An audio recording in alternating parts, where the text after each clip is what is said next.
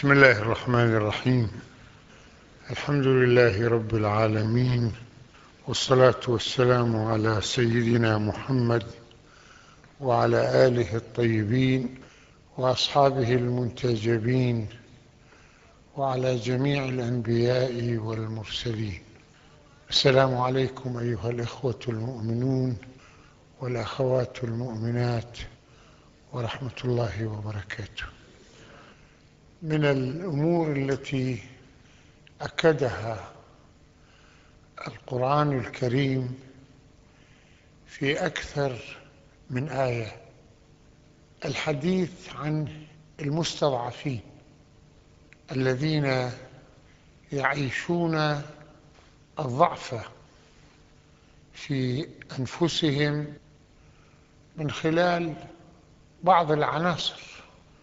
الداخلية والخارجية. الأمر الذي يجعلهم يسقطون أمام الأقوياء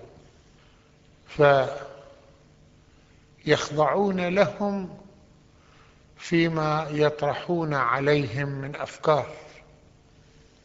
قد تكون هذه الأفكار أفكار الكفر.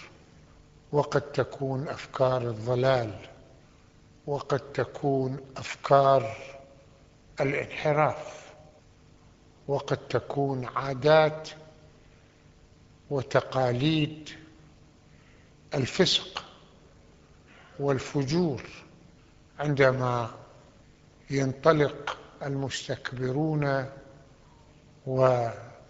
والمترفون لينشروا الفساد في المجتمع ويحرك الضلال في مفاهيمه فيخضع المستضعفون لهم بفعل نقاط الضعف الموجودة في داخلهم ولا يحاولون الأخذ بأسباب القوة ليواجهوا المستكبرين. والله سبحانه وتعالى يتحدث في القرآن بأنه لا يعذر المستضعفين الذين يملكون الأخذ بأسباب القوة في مواقعهم أو الذين يستطيعون أن يبتعدوا عن مواقع الضغط. كما في قوله تعالى إن الذين توفاهم الملائكة ظالمي أنفسهم يعني بالكفر أو بالضلال. قالوا فيما كنتم؟ لماذا ظلمتم أنفسكم بالتزام الكفر بالله أو التزام الضلال؟ في الخط. قالوا كنا مستضعفين في الأرض وكان الأقوياء يضغطون علينا فيفرضون علينا أفكارهم المتحركة بالكفر والضلال.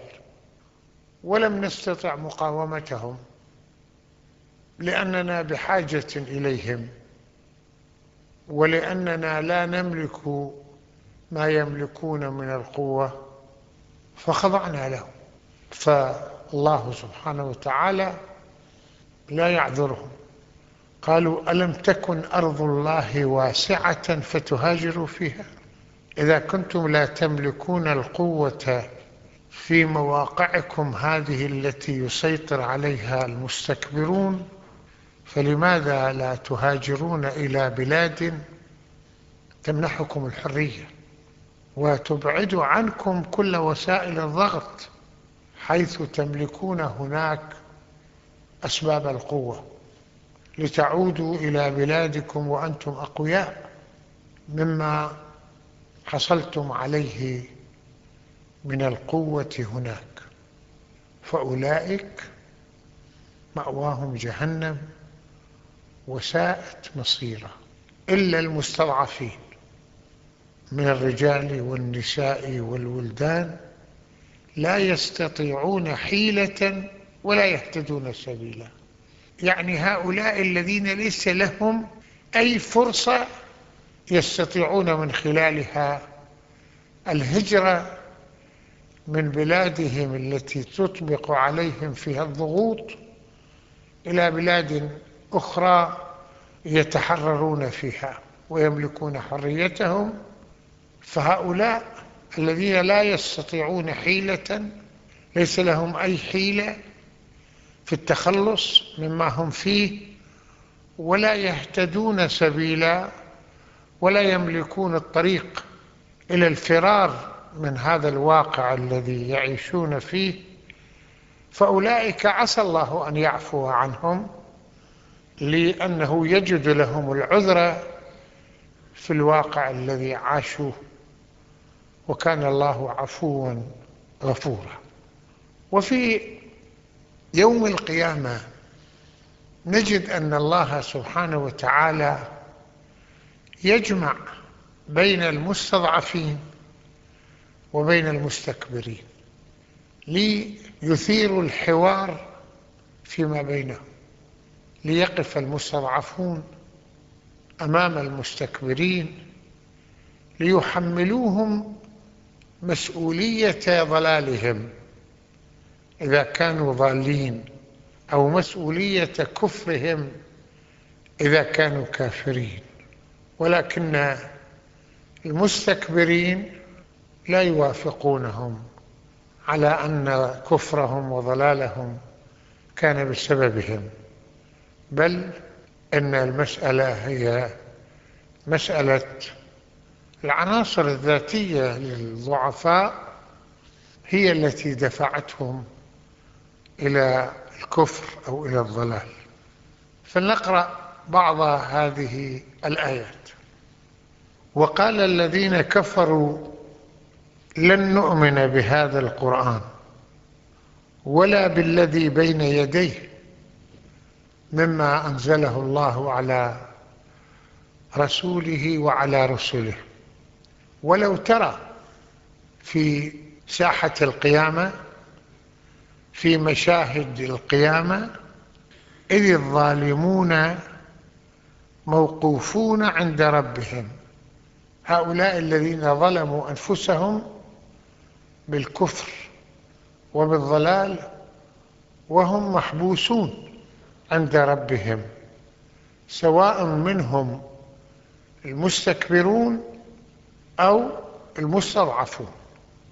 يرجع بعضهم إلى بعض القول. يعني كل واحد يتحدث للآخر ليحمله المسؤولية في العاقبة التي وصل إليها. يقول الذين استضعفوا للذين استكبروا لولا أنتم لكنا مؤمنين. فنحن كفرنا وظللنا من خلال الأساليب والوسائل التي فرضتموها علينا والضغوط التي ضغطتم بها علينا حيث استغليتم الجهل الذي نحن نتخبط فيه والحاجة التي نحتاجكم فيها ففرضتم علينا ما أنتم فيه. يقول الذين استضعفوا للذين استكبروا لولا أنتم لكنا مؤمنين ولكن المستكبرين لا يتقبلون هذه التهمة أو هذا الحكم. قال الذين استكبروا للذين استضعفوا نحن صددناكم عن الهدى. هل نحن الذين نتحمل مسؤولية إبعادكم عن الهدى الذي يقودكم إلى الإيمان ويقربكم إلى الله بعد إذ جاءكم من خلال الأنبياء؟ بل كنتم مجرمين. بل كانت عناصر الكفر وعناصر الضلال مخزونة في داخل أنفسكم فعندما رأيتم فرصة من خلال المجتمع الذي كنا وأنتم فيه أخذتم بأسباب الكفر فكفرتم وبأسباب الضلال فضللتم. وقال الذين استضعفوا للذين استكبروا بل مكر الليل والنهار. يعني الأوضاع المعقدة التي كانت تتحرك من خلال الخطط الماكرة التي خططتموها في الليل والنهار في محاصرة كل أوضاع الهدى وكل أوضاع الخير.